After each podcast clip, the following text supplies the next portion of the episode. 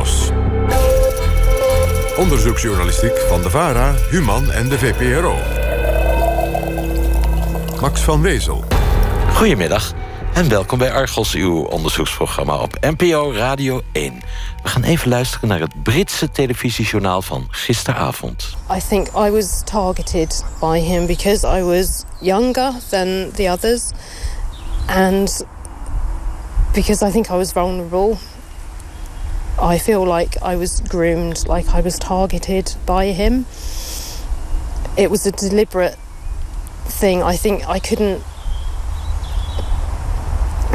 I'm sorry, I've got to stop. Dat was een fragment uit het Channel 4 News van gisteren. Bij mij aan tafel Evelien Lubbers. Evelien, jij was betrokken bij deze onthulling. Je bent lid van een speciale onderzoeksgroep in Engeland... die undercover-agenten ontmaskert. Vertel eens even kort wie en wat we hier hoorden. Dit was Jessica en zij is er pas onlangs achter gekomen dat de eerste vriendje wat ze had een undercover agent van de politie was, die de uh, actiebeweging waar ze lid van had, was infiltreerde via haar. En eh, van wat voor actiebeweging was ze lid? Uh, dierenrechtengroeperingen. En in welke tijd speelde dat? Uh, begin jaren negentig. Ze moest huilen, hè? Ja, ze was heel geëmotioneerd. Haar hele leven staat op zijn kop. Als je eerste vriendje jou gebruikt... Niet, dat je niet wist dat hij een agent was... jou gebruikt heeft om inlichtingen in te winnen... dat is een grote schok. We gaan daar straks uitgebreid over praten, Evelien. Het is een van de affaires die de laatste jaren in het licht kwamen. Onze vraag is, hoe ver ging die infiltratie door de Londense politie... en hoe kwamen Evelien Lubbers en haar collega's van de onderzoeksgroep daarachter? Dat later in de uitzending dus. Maar nu eerst het laatste deel van een tweeluik dat Willem de Haan maakte over de terroristenafdeling van de gevangenis in Vught. Voor het eerst kreeg een Nederlandse journalist toegang tot deze speciale gevangenis waar terreurverdachten en veroordeelden zitten opgesloten. Vorige week deed Willem verslag van het regime op de terroristenafdeling. Vandaag behandelt hij de vraag of deradicalisering in Vught werkt en hoe ingewikkeld dat is. Luister naar een test van Allah. Ik zelf uh, heb helemaal geen radicale ideeën. Maar dat is toch het hele idee van mensen die radicaal zijn... die moeten als onradicaal naar buiten komen. Anders heb je helemaal niks gedaan. Er zijn mensen die bijvoorbeeld uh, schizofreen zijn en uh, ergens op een station alle akbar gaan roepen en dan opgepakt worden en dan gezien worden als een terroristverdachte. ja, als je die mensen met medicijnen behandelt, dan wil het wel eens zijn dat die uitingen verdwijnen. Wat wij proberen is af en toe een zaadje te planten bij iemand in zijn hoofd. En dan hoop je dat dat een beetje gaat ontkiemen. En dat het proces waar we het over hebben uh, mogelijk toch doorgaat. Ook als iemand uh, ontslagen is uit detentie.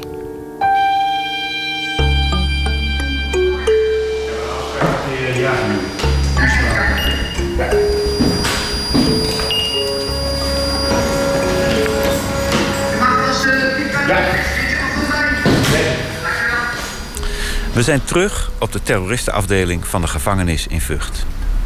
Hier zitten zo'n 25 mensen. Een aantal daarvan ken ik uit de krant. Een 34-jarige bekierlingen uit Eindhoven, opgepakt in Turkije. Twee mannen vanwege het ronselen voor een terroristische organisatie. Een aantal rechtsradicale mannen, veroordeeld voor het gooien van molotovcocktails naar een moskee in Enschede. Een 21-jarige vrouw, verdacht van deelname aan geweld in Syrië. En de tot levenslang veroordeelde Mohammed B., de moordenaar van Theo van Gogh. De gevangenen zitten verspreid over vijf verschillende afdelingen. Variërend in regime en aanpak. We staan voor een blauwe deur. Ja. Waar gaan we naartoe? We gaan nu uh, unit 5 in. Uh, oftewel uh, het gebouw dat bekend staat waar de EBI in gehuisvest is. Het is een gevangenis in een gevangenis. Ja. De meest beveiligde plek van detentieland, geloof ik, hè? De enige supermax die we hebben in, in Nederland. We gaan weer door een ijzeren hek.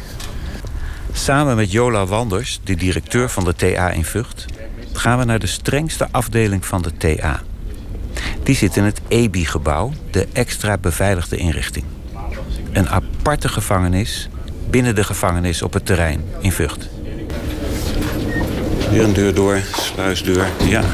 Betonnen trap op aantal betonnen trappen. Het is ook een heel solide gebouw. Het is eigenlijk een beetje een bunkerachtig geheel als je hier nou loopt. Met veel beton, betonnen muren, betonnen treden. We gaan naar de afdeling. We gaan nu weer de trap af. Niemand heeft hier een sleutel, hè? Gaat allemaal op afstand. Het gaat allemaal op afstand gestuurd. De beveiliging die volgt ons ook. Die weet waar we lopen. Uh, die zal waarschijnlijk ook de deuren al voor ons openen... als ze weten waar we naartoe moeten. We gaan nu de trap af en dan komen we in de bewaarderswacht... waar het personeel hun werk doet.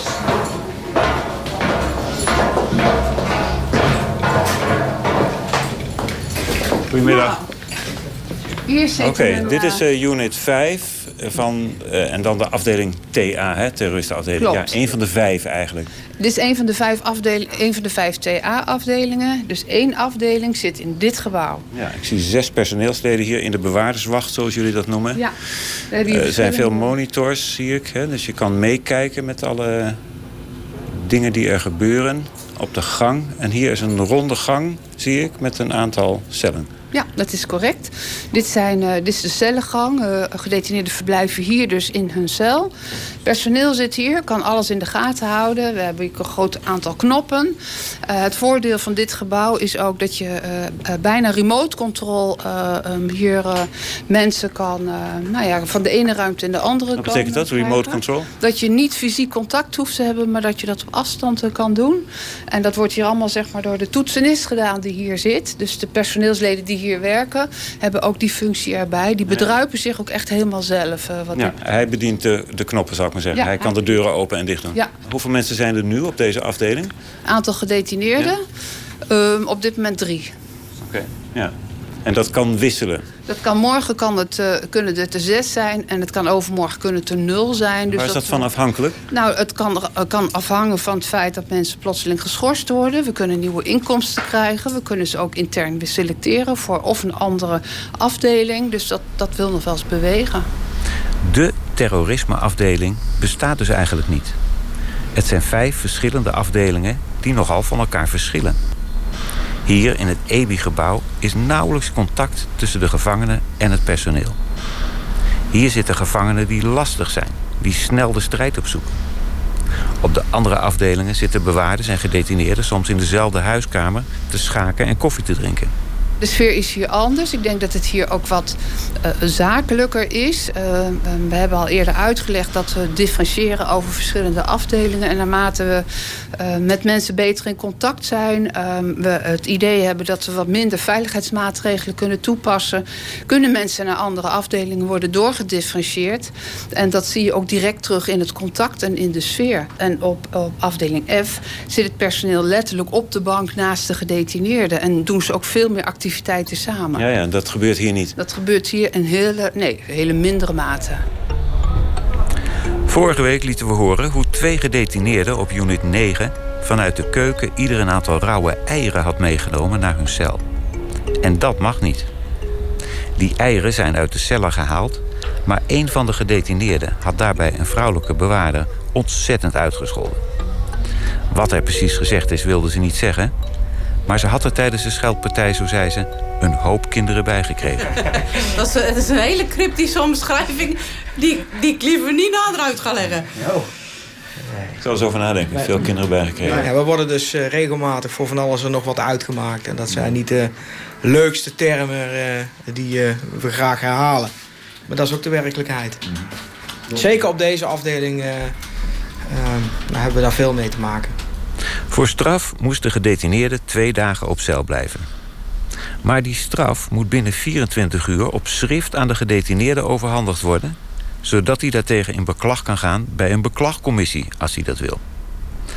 Maar nu is er een probleem.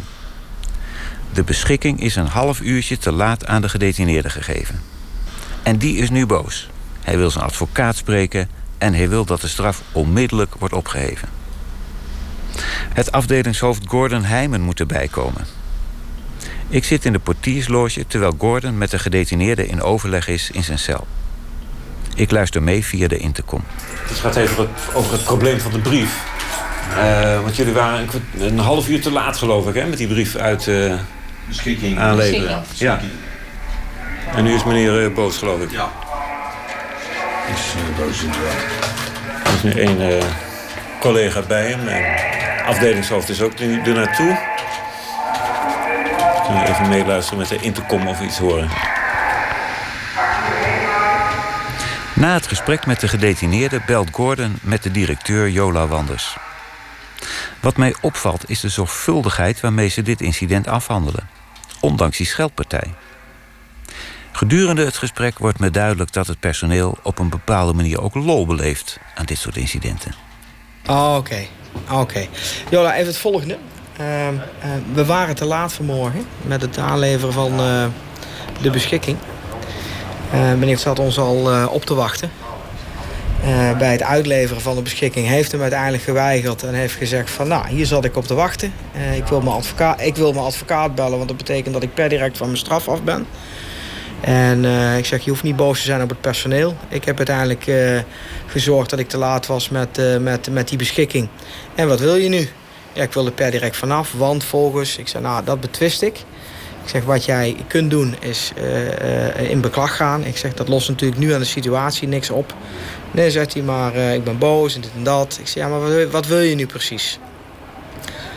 Nee, ja goed, toen zegt hij ook van, ja, zit die Gordon, maar je geeft toe dat je, dat je te laat bent. Ik zeg, ja, daar ga ik ook niet om liegen. Als het zo is, dan is het zo. En dan zegt hij van, nou, ik zou, ik zou kunnen leven met, nou komt hij, en dan moet ik toch even met jou overleggen, of ze dan morgenochtend gewoon eerder kunnen instromen. En dan uh, uh, uh, is het voor hem klaar. ja, ik vind het een spel. Hij, hij doet het... Nou ja, weet je wat, wat jij gisteren al zei? Hè? Want dat viel mij vandaag ook op. Hè? De, de, de, de, boosheid. Hij laat het even zien. Maar hij is heel snel toch wel te corrigeren. En uiteindelijk hebben we ook wel weer even... Toch wel even weer gewoon met een ontspannen eh, lach naar elkaar... zijn we geëindigd. Zo van, nou luister. Jij zegt iets. Ik vind iets. Laat mij ook even de een en ander uitzoeken. En ik kom nog bij, terug bij jou vandaag... wat de oplossing gaat worden. En dat vindt hij ook prima. Nou, ik kreeg uiteindelijk ook weer een hand. Dus ja. Ja. Ja. Ja. Nee, maar dat gaat niet gebeuren. Absoluut niet. Nee, nou, dan, dan ga ik dat gewoon zo uitzetten. En dan ben ik blij dat ik je toch nog even gesproken heb. Hey, joh, bedankt. Doei, doei. Uitkomst. Uitkomst. In dit geval ga ik dadelijk naar beide heren toe met de mededeling dat hun straf ingekort wordt op basis van het feit dat wij te laat waren met het papierwerk. Ja, helder. Voorzitter, de angst zit erin. Een genadeloze vijand. Ze lopen als wandelende tijdbommen rond. We moeten hen dus met alle middelen bestrijden. Tweede Kamerleden over terroristen in een fragment van Brandpunt. Ze weten precies hoe het zit. Terroristen moet je met alle mogelijke middelen bestrijden. Maar wat betekenen die grote woorden eigenlijk in de praktijk? Daarvoor ben ik naar Vught gegaan. Wie gaat er mee naar de ochtendbriefing? Uh, wie, wie, was hier gisteren? Oh, ja? Ja?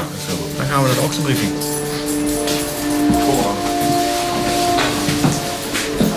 Hier in Vught, waar ze gevangen zitten, zijn de uitdagingen anders. Hoe ga je om met dagelijkse incidenten en met lastig gedrag?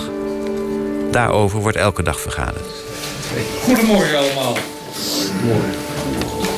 En een mededeling. Heeft iemand nog eens medegenemen? Ja. De inkomst van gisteravond is uh, niet geweest. En gisteravond zijn er nog uh, twee rapporten gevallen. Oké. Okay.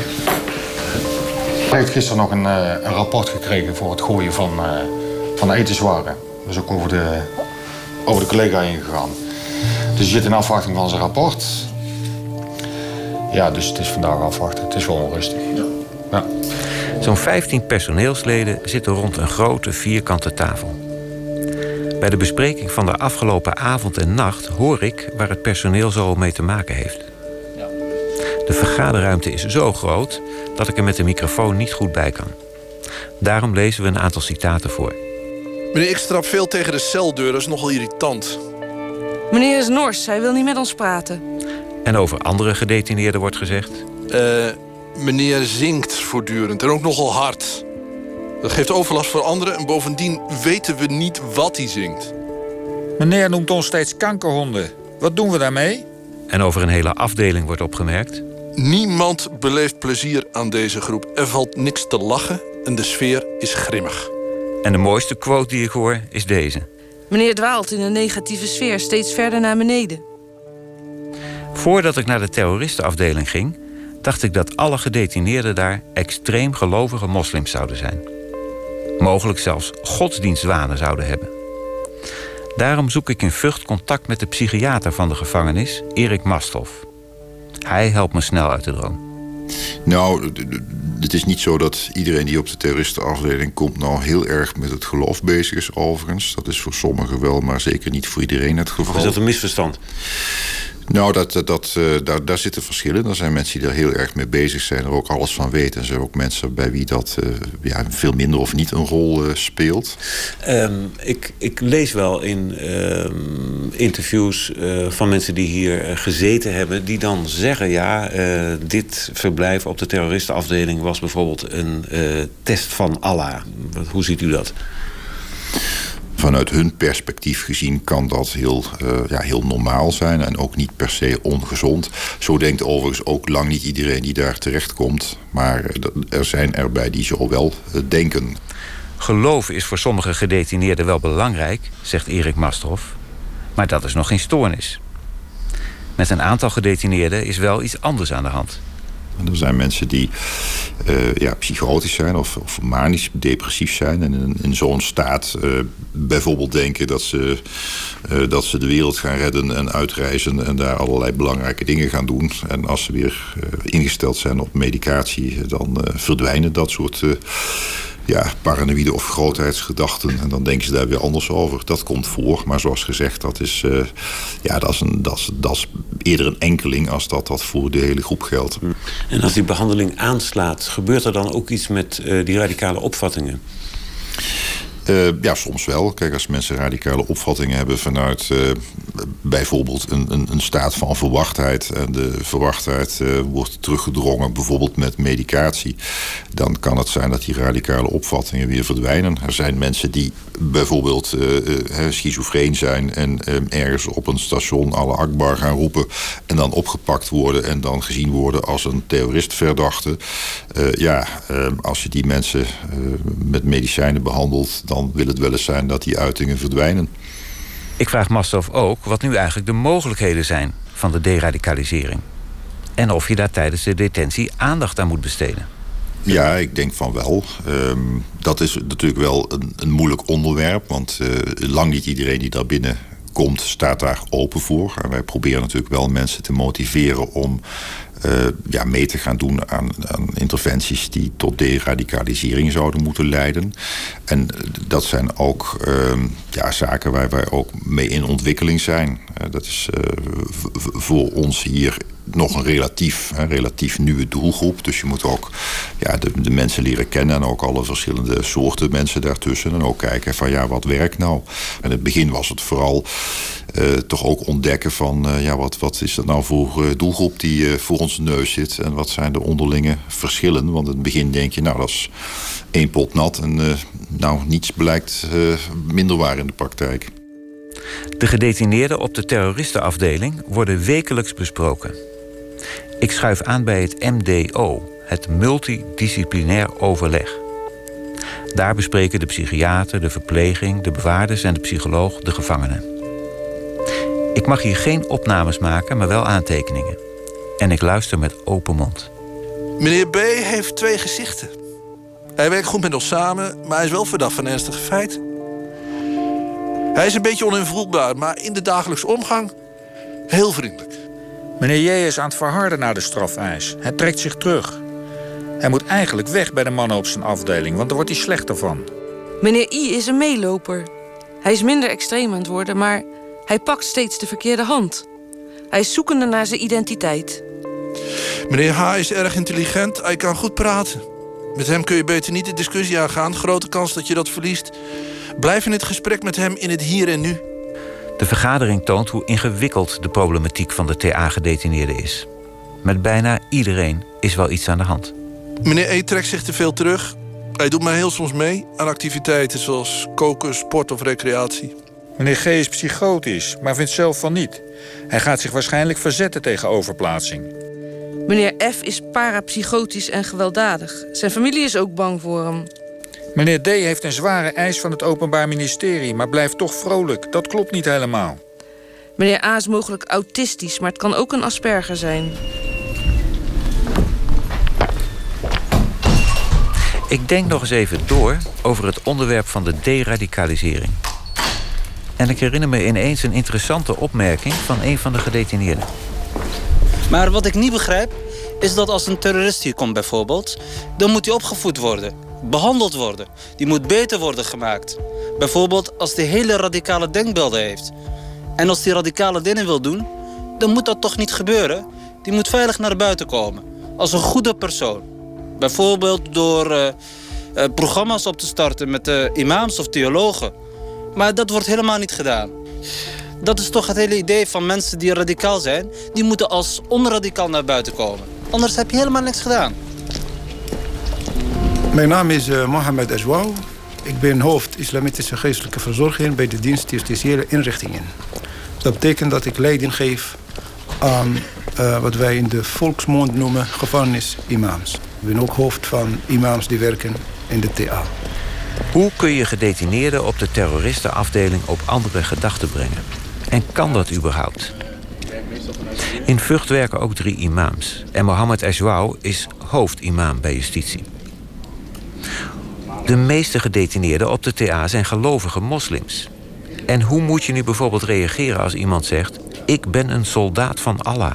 Of Allah heeft mij uitverkoren om deze beproeving in de gevangenis te ondergaan.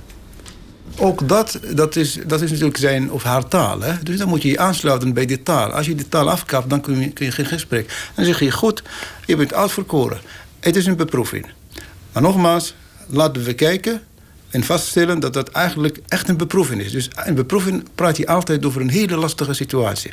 Ik snap wat u zegt, maar zou het niet toch gezonder zijn om, om tegen zo iemand te zeggen: Nou, um, ik denk niet dat het klopt dat jij uitverkoren bent door Allah om dit lot te ondergaan? Ik bedoel, ik snap wel dat het een soort overlevingsstrategie is, maar het is natuurlijk niet um, conform de werkelijkheid, zou ik maar zeggen. Ja, maar... En, en zou je dat niet toch op een of andere manier aan het wankelen moeten zien te brengen? Dat wankelen gebeurt op een hele andere manier dan wat, dus, uh, wat, wat, wat, wat mensen misschien die buiten dit context uh, deden. Uiteindelijk is inderdaad, u zegt dit goed, wij proberen mensen aan het wankelen in die zin dat ze dus van hun houding zeg maar afstappen. Dus dat is een goede streven, mensen aan het wankelen. Maar dat kan je op verschillende manieren doen. Als je gelijk mensen begint af te kraken, omdat, dan, dan worden ze nog verhard dan gaan ze nog meer harder, worden ze harder. Dus, man, ja, maar als iemand zegt, ik wil naar Irak of naar Syrië... want ik ben een soldaat van Allah. Nogmaals, wij zeggen dan, waarom wil je dat? Omdat ik een soldaat van Allah ben. Ja, maar hoe weet je dat? Dus je blijft toch door te gaan en laat de persoon praten. Wat zit er achter in die, in, in, in die brein? En dan kun je dus de gaten in de logica of, of in de redenering misschien aanpakken. En dan op, op dat moment gebeurt er iets in het brein wat wij niet zien, maar waarvan wij zeker weten, als we de, de kans krijgen, de mensen gaan toch twijfelen. Mohammed Azwau is een intellectueel, strak in het pak, uiterst vriendelijk. Je zou denken een autoriteit voor gelovige moslims. Maar daar denken de gevangenen in Vught soms heel anders over. Ook voor de imam is het niet altijd gemakkelijk om in contact te komen. Ik denk dat het werkt bijvoorbeeld vooral bij, bij, wat wij noemen een beetje twijfelaars nog. Want je hebt natuurlijk verschillende gradaties in uh, mensen die in TA zitten. En sommigen zijn een beetje toch nog in de geharde fase van hun opvattingen. Ja, die sluiten ook elke andere mening natuurlijk uit. Uh, Kunt u eens uitleggen van, van hoe zo'n gesprek dan verloopt? Ja, bijvoorbeeld als men zegt... ja goed, uh, onze broeders in Syrië ja, die worden uitgemoord... en de wereld doet niets. Daarom ben ik zo boos. Dat is op zich een ideologische, uh, idealistische, activistische houding. Nou, en hebben ze nog gelijk in ook? Dat weet ik niet. Uh, maar uh, daar gaan we dus niet over, of gelijk Maar het gaat erom, wat zijn uw argumenten dan? Nou, zeg je, ja, kijk, wat gebeurt en zo. En wij moeten dus in opstand komen. Nou, maar hoezo in opstand? Wie moet in opstand komen dan? Nou, dan zegt ze wij. Maar hoezo dan? Uh, waar beroept u zich? Nou, ik beroep me op uh, de Korantekst dat of En dan gaan we dat bediscussiëren. Mijn collega's doen dat. En dan zeggen ze... Nou ja, goed, maar heb je het goed begrepen? Is dat uw taak? Of hoe zit dat? Zijn er misschien alternatieven? Zo gaat zo'n gesprek als het gaat om dat stukje. Twijfel ontstaat als mensen zelf gaan nadenken, zegt Mohammed Azwau. Kort na ons gesprek ontmoet ik Gabi Thijssen, de psychologe van de terroristenafdeling. Een jonge vrouw, achter in de twintig, Limburgs accent. Het begint altijd met dat ik me voorstel, eventjes uitleg wat mijn rol is, wat ik hier doe.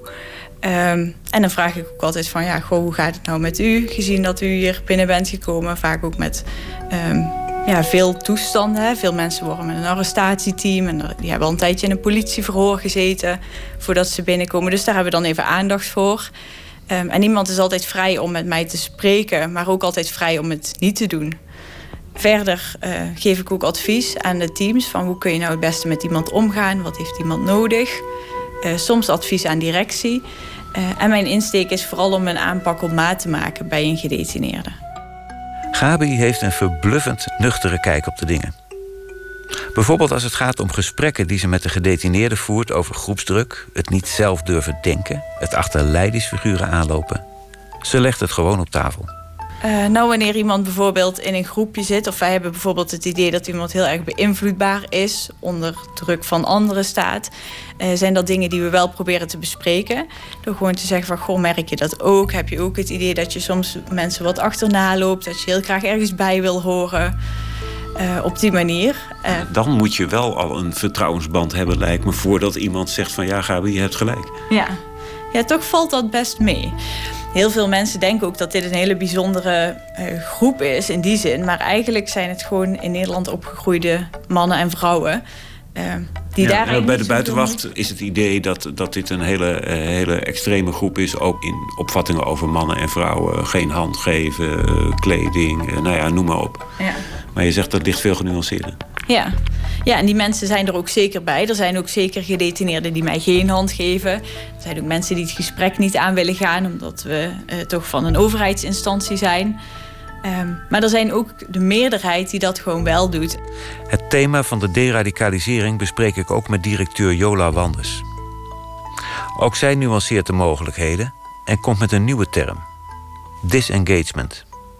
Uh, we hebben jongens die, hebben, die, die hangen Al-Nusra aan of die hangen ISIS aan. We hebben de rechtsextremisten binnengekregen. Uh, we hebben vrouwen binnengekregen. En dat zijn allemaal verschillende profielen en verschillende type personen. Uh, die allemaal binnen diezelfde TA een, uh, een, plek moeten hebben, maar niet allemaal even radicaal zijn. En um, elke keer uh, hoor je mensen zeggen van je moet deradicaliseren. Um, um, alsof je een one fits for all programma hebt, wat je over de mensen heen kan, kan, kan uitrollen. En dat ze dan na einde detentie gederadicaliseerd naar buiten komen. Dat is een utopie. Denken veel meer aan disengagement. Het is het loslaten van gedrag wat mogelijk tot geweld kan leiden. En dan de vraag: wat is de rol en de taak van, uh, van een gevangenis in deze? Nou, mijn belangrijkste taak is mensen binnenhouden. En dan daarnaast uh, proberen om mensen niet slechter uit detentie te laten gaan dan ze erin komen. Maar je wilt toch veel liever dat mensen die, als ze hier weggaan anders tegen de wereld aankijken. En ook naar, anders naar zichzelf Ja. kijken. En ook perspectief hebben op zeg maar, wat wij beschouwen als een normaal Ja. leven. Dat, dat, dat klopt. Alleen deradicaliseringsprocessen die duren jaren, jaren, jaren. Dat is niet zomaar in een half jaar geregeld. Wat wij proberen is af en toe een zaadje te planten bij iemand in zijn hoofd. En dan hoop je dat dat een beetje gaat ontkiemen. En dat het proces waar we het over hebben eh, mogelijk toch doorgaat. Ook als iemand eh, ontslagen is uit detentie. Contact maken, een spiegel voorhouden, twijfel zaaien, een zaadje planten. De mogelijkheden van deradicalisering in de gevangenis lijken me nogal beperkt. Misschien zit het geheim wel meer in een normale en fatsoenlijke omgang met de gedetineerden. Dat idee komt bij me op als ik zie hoe afdelingshoofd Gordon Heijmen met de gevangenen omgaat. Ehm, even kijken. Ehm, wat ik ga doen voor jou? Ja. Ik ga even een telefoontje plegen. Met de mensen van Bureau Veiligheid. Die doen de screeningen. Dat is goed. Ik heb van jou wat voorbij zien komen. Ik weet alleen niet meer precies wat.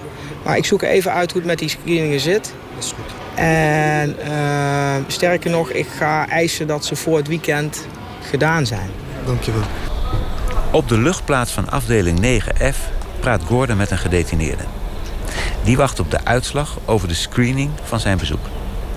Toen ik mijn vader sprak, zei, hij tegen mij, zei hij tegen mij van... eh, die, eh, die, die, we hebben het brief ontvangen. We hebben alles eh, opgestuurd. Nee, helder. Dat is twee weken En het gaat om jou. Nog even voor de duidelijkheid, om jou. Screening van jou. Screening van Broer, mij, nee, van jouw oom? Twee ooms en twee neef. Twee ooms, twee neven. Ja. Ik ga voor jou bellen. Dank je wel. Ik laat jou dadelijk of even zelf of via het personeel weten dat het geregeld wordt. Ja? Dat is, Ja? Dat is goed. Hoi, hoi. Ja. Bezoekers van de gevangenen moeten gescreend worden. Om te kijken of er een veiligheidsrisico is, legt Gordon uit. Dat is in dit geval niet op tijd gebeurd. Gordon belt, regelt het en loopt terug naar de luchtplaats. Nee, Ze hebben nagekeken. Het gaat om het verzoek van jouw ooms en van jouw neven. Dus dat kunnen ze wel uh, zeggen ook. Nee, dat klopt. De verzoeken hebben we gezien. Ze zijn opgestuurd en we wachten even tot ze terugkomen. Uh, spreek mij volgende week, na het weekend, maandag of dinsdag, ja, even aan. En dan vraag ik nog een keer voor jou na. Is goed. Ja? Is goed, dank je. Hartstikke mooi. Is goed, dank je wel. Hey, fijne lucht, hè? Is het een pose van Gordon, wat ik zie? Een dag eerder zag ik al hoe hij op de luchtplaats kennis maakte met een nieuwe gedetineerde. En volgens mij is hij zoals hij overkomt. Open en gedreven. We staan bij de ingang van de luchtplaats. Dat is een hek met een slot, dat kun je afsluiten. En uh, de afdelingshoofd is nu uh, hier op die luchtplaats gegaan. Ja. Er is een nieuwe gedetineerde, begrijp ik. Wat, gaat, wat doet hij eigenlijk nu, dat afdelingshoofd? Die, uh, oh, die gedetineerde is zelf vrijdag als inkomst binnengekomen bij ons. En toevallig Gordon ziet dat nou en die maakt even kennis met, met die man. Dus vandaar. Ken jij deze gedetineerde al of niet? Ik heb hem zelf bij binnenkomst heb ik hem gesproken. En, dus kennen is een, is een groot verhaal, maar ik weet wie het is. En, en ja, je maakt vlug een inschatting van hoe iemand is. Ja, de eerste fase is van elkaar leren kennen eigenlijk. Ja, precies. Inderdaad. En kijken hoe die in zijn vel steekt, hoe hij reageert op bepaalde dingen. Nou ja, goed, en verder gaan we dan verder kijken hoe hoe het verder verloopt. Is dat belangrijk, dat zo'n afdelingshoofd dan gelijk zo snel mogelijk even contact maakt? Ja, dat, is, uh, dat eh, vind ik wel belangrijk. Eh, ook, ook met het personeel en ook als afdelingshoofd. Hij moet weten met wie hij, als er daadwerkelijk iets aan de hand is, met wie hij in gesprek moet gaan. Ja. Ja, gesproken. Ja, hij heeft een hand gegeven, even voorgesteld. Uh, aangegeven in ieder geval wie ik ben. En uh, nou, even gevraagd de eerste indruk. Nou, die was positief. Hij vond het personeel heel aardig. Dus dat is mooi. Daar ben ik blij mee, dat heb ik ook gezegd. En uh, nou, in ieder geval uh, de tijd dat hij hier zit... Uh, in ieder geval een prettige tijd gewenst. Ja, dat is een goed begin. Ja, ja. Dat klopt. Ja, belangrijk? Ja, vind ik belangrijk. Ik, ik kan niet altijd iedereen meteen uh, te woord staan of meteen een hand geven ter kennismaking. Maar ik vind het wel belangrijk dat mannen weten wie ik ben en wat ik hier doe. En, uh, en, uh, en ook dat ze ook met mij in gesprek kunnen. Ik vind het ook wel prettig om gewoon die openheid te hebben. van God, kan ik je even spreken? Nou, dat kan. Ja, en dan is het zo informeel dat ze bij wijze van spreken vanaf de luchtplaats kunnen roepen... hey Gordon, kom eens even. Ja, dat is een beetje wel binnen mijn werkstijl. dat ik graag ook het informele... Uh, uh, graag intact hou. Uh, en, en het drempel laag hou. Dat, dat, dat, dat, dat iemand makkelijk mij aan kan spreken, makkelijk in gesprek kan. dat vind ik belangrijk. Een oude discussie is de vraag of het wel verstandig is om deze groep gedetineerden überhaupt bij elkaar op te sluiten. Ik vraag het directeur Jola Wanders. Er is veel discussie over inderdaad, wereldwijd is er veel discussie over. Um, er zijn voor- en nadelen om te kiezen voor samenplaatsen of uh, verspreiden.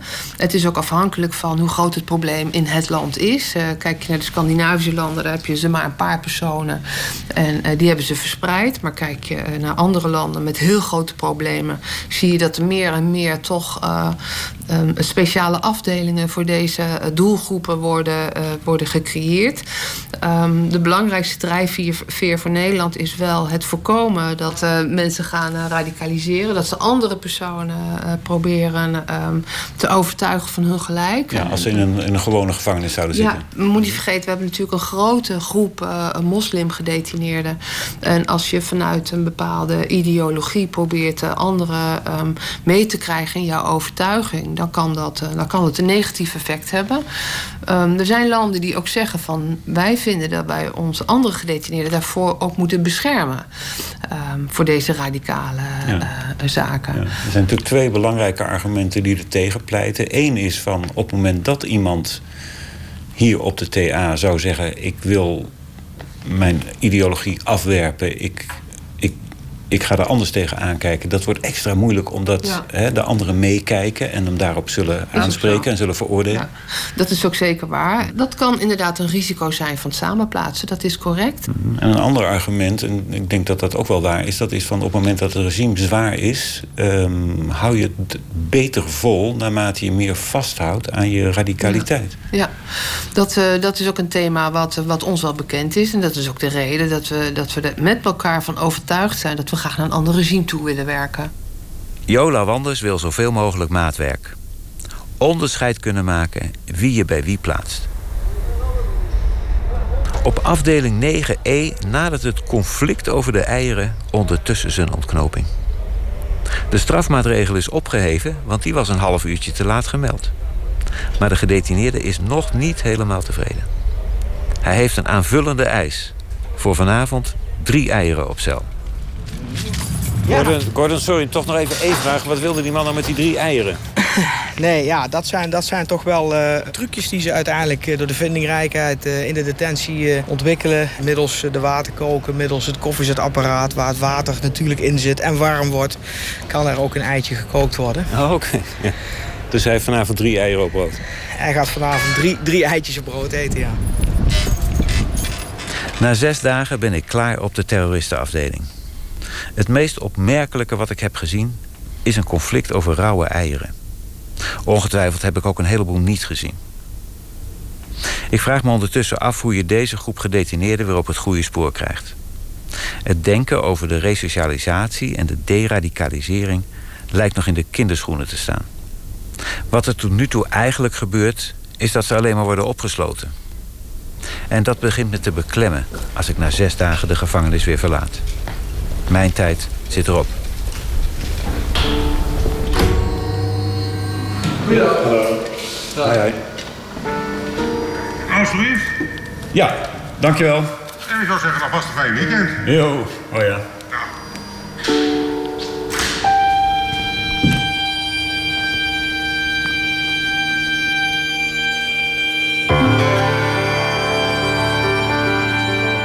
Ik heb er een van de week op moeten wachten, maar eindelijk is het mysterie van de rauwe eieren opgelost. U hoorde het laatste deel van een tweeluik, gemaakt door Willem de Haan en Kees van der Bos. De techniek was in handen van Alfred Koster. Sinds deze week is het dagprogramma op de terroristenafdeling verruimd van 21 naar 28 uur per week. Dat betekent dat de gedetineerden nu gemiddeld vier in plaats van drie uur per dag de cel uit mogen. Op de site en Facebookpagina van Argos vindt u meer informatie over de terroristenafdeling in Vught. En u kunt daar ook Willems reportage van vorige week vinden.